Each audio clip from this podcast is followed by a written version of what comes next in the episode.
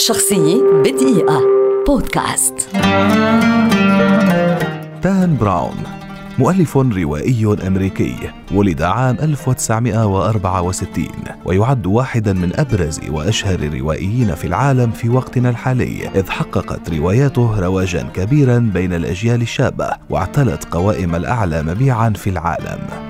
اشتهر براون بكتابته لقصص الخيال والإثارة الممزوجة بطابع علمي وفلسفي حديث بأسلوب مشوق. بدأ حياته بالعمل كمدرس للغة الإنجليزية قبل أن يوجه كل طاقاته إلى الكتابة ولشغفه بفك الشفرات وأسرار المنظمات الحكومية ألف روايته الأولى بعنوان الحصن الرقمي Digital Fortress والتي سرعان ما أصبحت الرقم واحد في أكثر الكتب الإلكترونية مبيعا على المستوى المحلي. لتتوالى بعد ذلك النجاح النجاحات في روايات صارت من الأشهر في العالم مثل The Da Vinci Code التي نشرت عام 2003 والتي اعتلت قائمة نيويورك تايمز كأفضل الكتب مبيعا على الإطلاق وجعلت الصحيفة تعتبره واحدا من أكثر مائة شخص أثروا في العالم. وقد تحولت هذه الرواية بالإضافة إلى روايتيه Angels and Demons و Inferno إلى ثلاثية أفلام شهيرة من بطولة العملاق توم هانكس. عام 2017 أصدر براون رواية بعنوان Origin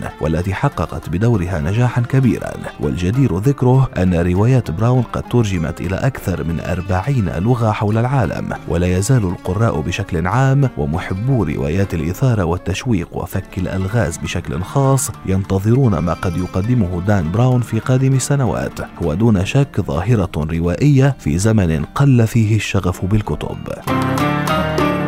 شخصية بدقيقة. بودكاست.